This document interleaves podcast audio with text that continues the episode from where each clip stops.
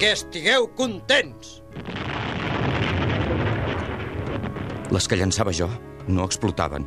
És en Picó qui em va indicar com havia d'arrencar la cinta de seguretat en el moment de llançar-les. Jo no en tenia cap idea.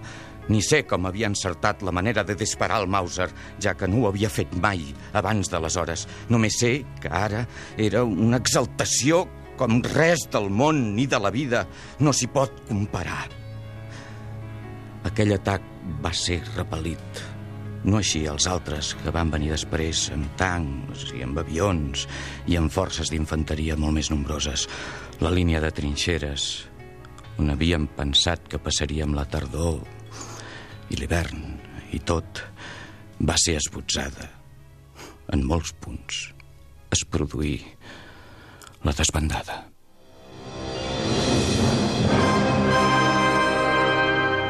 Catalunya Ràdio presenta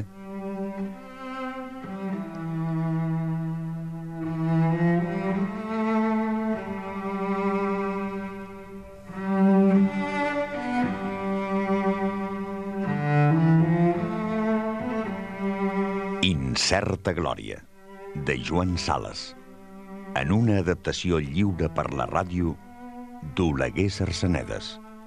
Muntatge Ramon Albero. Direcció Juan Germán Schroeder.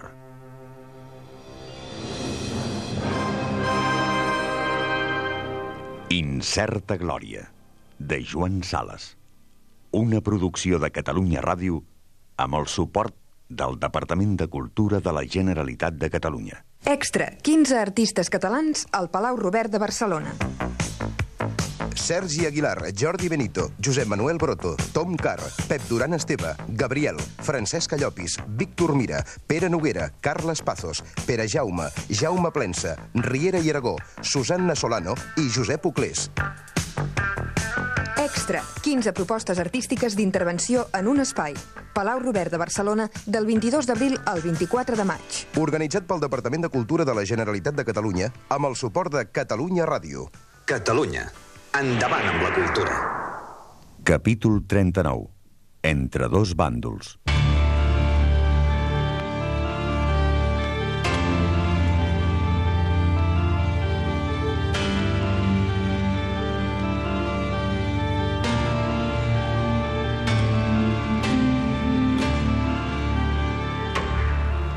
S'havia produït la més gran desbandada d'aquella tardor. Brigades i divisions senceres s'havien desarticulat i soldats de les més diverses es barrejaven a les incoherents corrues de fugitius. Era el pànic. Jo em trobava esgarriat com un de tants. No veia més que cares desconegudes. El sentia parlar de divisions de què jo no tenia cap idea. La Durruti, la Lister, què sé jo. Cap d'ells no sabia dir-me on era, no ja el nostre batalló ni la nostra brigada, sinó la nostra divisió, tan desconeguda per ells com la seva per mi. Durant dies i dies vaig intentar orientar-me, retrobar els meus en aquell galimaties era buscar una agulla en un paller. I vet aquí que un vespre un capità de sanitat va recuperar-me per afectar-me a la seva companyia. Ja no recordo amb exactitud a quina divisió pertanyia. Només sé que eren anarquistes. El capità metge era menut i sacardí i duia un bigotet retalladíssim que li donava un cert aire com de Don Juan de barri. Feia contínuament l'ullet i era inestroncable explicant històries verdes. El protagonista n'era quasi sempre algun mossèn. No vaig poder suportar gaire temps aquell règim d'acudits escabrosos, que d'altra banda eren sempre els mateixos. Una nit, quan el Don Juan sanitari roncava, sí, em vaig alçar del jazz sense fer soroll i vaig sortir de la cabana. M'enduia la meva motxilla, amb el telescopi portàtil que aleshores encara no havia perdut. No el vaig perdre fins a les darreries de la guerra. Em vaig posar en marxa sol, en direcció oposada a la dels fugitius desbandats. El desordre en aquell sector era tan gran aquells dies que tot era possible.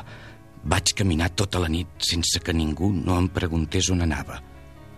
La primera claror del dia em va sorprendre en un bosc de sabines.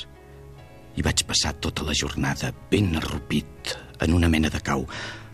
El silenci es feia espès i feixuc en aquell paratge. La solitud era tan asfixiant que alguna bala perduda que xiulava de tard en tard arribava a confortar-me com una companyia. Els dos exèrcits estaven separats per diversos quilòmetres en aquell moment i en aquella zona, i jo em trobava aproximadament al mig. Dins de la motxilla hi tenia quatre panets i quatre pots de llet condensada que havia pispat el batalló anarquista abans de guillar a la callada. Era prou per sostenir-me durant quatre dies.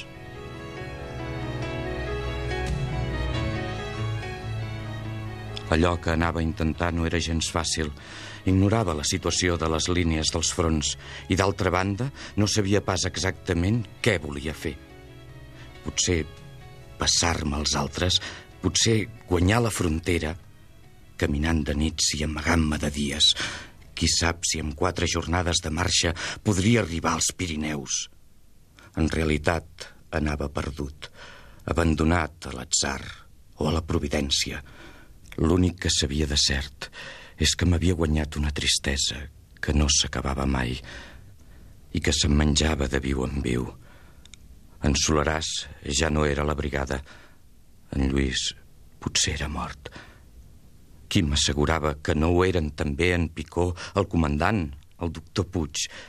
Qui m'assegurava que quedés res del nostre batalló, de la nostra brigada, de la nostra divisió sencera? La nit per fi arribada, em vaig posar altra vegada en camí, guiant-me per les constel·lacions. Volia saber, abans que res, on eren els altres. Fer-me una idea de la situació. I l'únic que sabia és que els altres havien de trobar-se cap a Ponent. Jo caminava, doncs, cap al Sagitari, que en aquella època de l'any apareix arran d'horitzó, sobre el lloc on el sol acaba de pondre's. Quan el Sagitari es ponia al seu torn, era el camí de Sant Jaume, que em servia de guia. És el record més tenaç que m'han deixat aquelles nits estranyes, com una polseguera finíssima de diamants, algun cop he sospitat si tot plegat no va ser un nou atac de somnambulisme tan d'esma caminava jo. Avui, al cap de tants anys, voldria que ho hagués estat, que no hi hagués tingut cap part la meva voluntat conscient i responsable, però no cal fer-se il·lusions. Tractava de desertar a plena consciència. La nit de l'endemà vaig sentir de lluny eren les primeres veus que sentia en tres jornades i vaig tornar a vacilar en la decisió a prendre. M'adonava que guanyar els Pirineus era pràcticament impossible. Tornar endarrere. I per què? Anava a fer un dels passos més greus de la meva vida. Anava a escollir el meu enemic. Fins aleshores jo m'havia trobat en una de les dues bandes sense haver-la escollida. M'hi havia trobat per les circumstàncies, no per haver-la triada. I no m'havia passat mai pel cap que els altres fossin els meus enemics. Eren simplement els altres. En veritat que fins aquell moment no m'havia passat mai pel cap ni tan sols aleshores que havia disparat contra ells, que els havia enviat bombes de mà. Allò havia estat una borratxera que un cop passada m'havia deixat profundament avergonyit. Eren allà mateix, a una trentena de passes. Jo la sentia tan confusament que no arribava a donar-me d'un fet.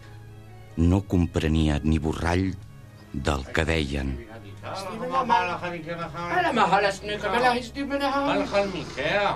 No és fins al cap d'una estona llarga que hi vaig prestar atenció. Aquells sons estranys no arribaven a formar ni una sola paraula intel·ligible. són moros.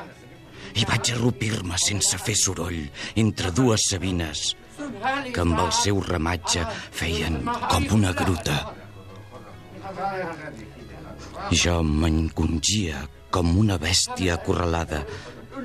No havia pensat ni remotament en els moros fins a sentir aquelles veus. I si fossin bascos? Sabia que les últimes restes de l'exèrcit basc, supervivents d'una resistència desesperada, havien abordat les barcasses, les costes de Gascunya per incorporar-se a través de França a les tropes catalanes. La providència m'ha guiat, vaig pensar de sobte. Beneïda sigui sempre. Més val que passi als bascos que no pas als moros.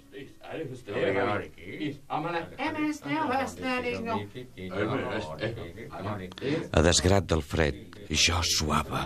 Em sentia les gotes sobre el llavi. N'hi havia una que em resseguia l'espinada com si fos argent viu. En això vaig entreveure un foc de campament entre les sabines a una centena de passes del meu cau. L'acabaven d'encendre.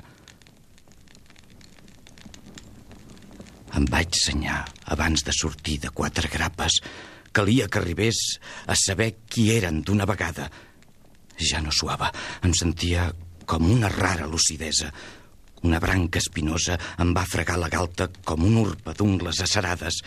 Vaig aconseguir atensar-me al foc. Sense alertar-los, prou per veure les cares. Quines cares, Déu meu! Quines cares!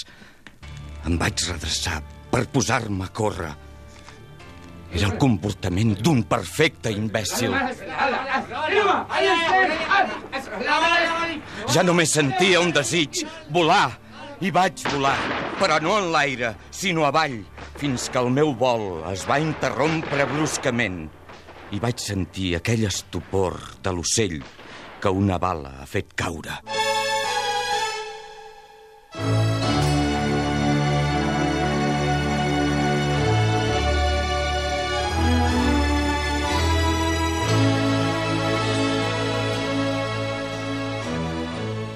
De moure les cames i no m'ho veien, com si fossin d'un altre. Les sentia estrangeres si me les palpava. Percebia la remors de les anades vingudes dels moros, les seves veus penetrants. Després, tota remor s'esvaí i es va fer un estrany silenci. Per què no veia les estrelles sobre el meu cap? On havia caigut aquell silenci, aquell fred, aquella fosc tan espessa, aquella impossibilitat de moure les cames. Ai, que vingui el dia! Un fred humit em penetrava fins al moll dels ossos en aquella immobilitat. I altra vegada les veus s'atensaven. Déu meu, que la nit sigui eterna. Però ara... Però ara les entenia. Anem per aquí, anem per aquí. Entenia tot el que deien els moros? La meva atenció va cedir. Les caves ja m'ho veien altra vegada. Vaig veure de nou el cel estrellat. El camí de Sant Jaume com una polseguera de diamants. I em vaig desfer en sanglots. Plorava raig fet sense poder impedir-ho. Parlaven en català. Hauria volgut fer un gran crit per demanar-los auxili. Però vaig perdre el coneixement. Quina merda! Vet aquí les primeres paraules que vaig sentir en recobrar el sentit.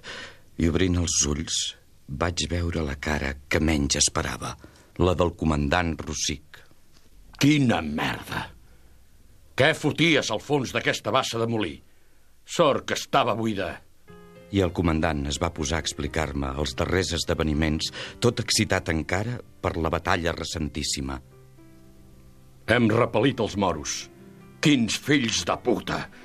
Per tot arreu piles de morts, piles de ferits. Quina merda! Però la desbandada ja s'ha acabat. Ja hem parat de córrer com conills. I els altres? Molt a la vora d'aquí. Els moros han estat a punt d'ocupar-nos. Saps que per fi hem retrobat en Lluís? L'han descobert per atzar en un hospital de campanya, molt lluny de la brigada. Està gravíssimament ferit. Una ferida dolenta.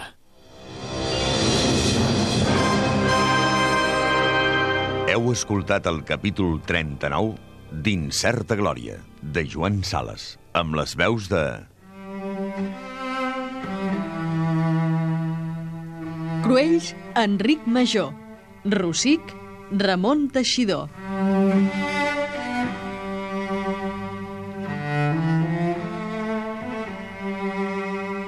Incerta Glòria, de Joan Sales. Una producció de Catalunya Ràdio. Amb el suport del Departament de Cultura de la Generalitat de Catalunya. Extra, 15 artistes catalans al Palau Robert de Barcelona. Sergi Aguilar, Jordi Benito, Josep Manuel Broto, Tom Carr, Pep Duran Esteve, Gabriel, Francesc Llopis, Víctor Mira, Pere Noguera, Carles Pazos, Pere Jaume, Jaume Plensa, Riera i Aragó, Susanna Solano i Josep Uclés.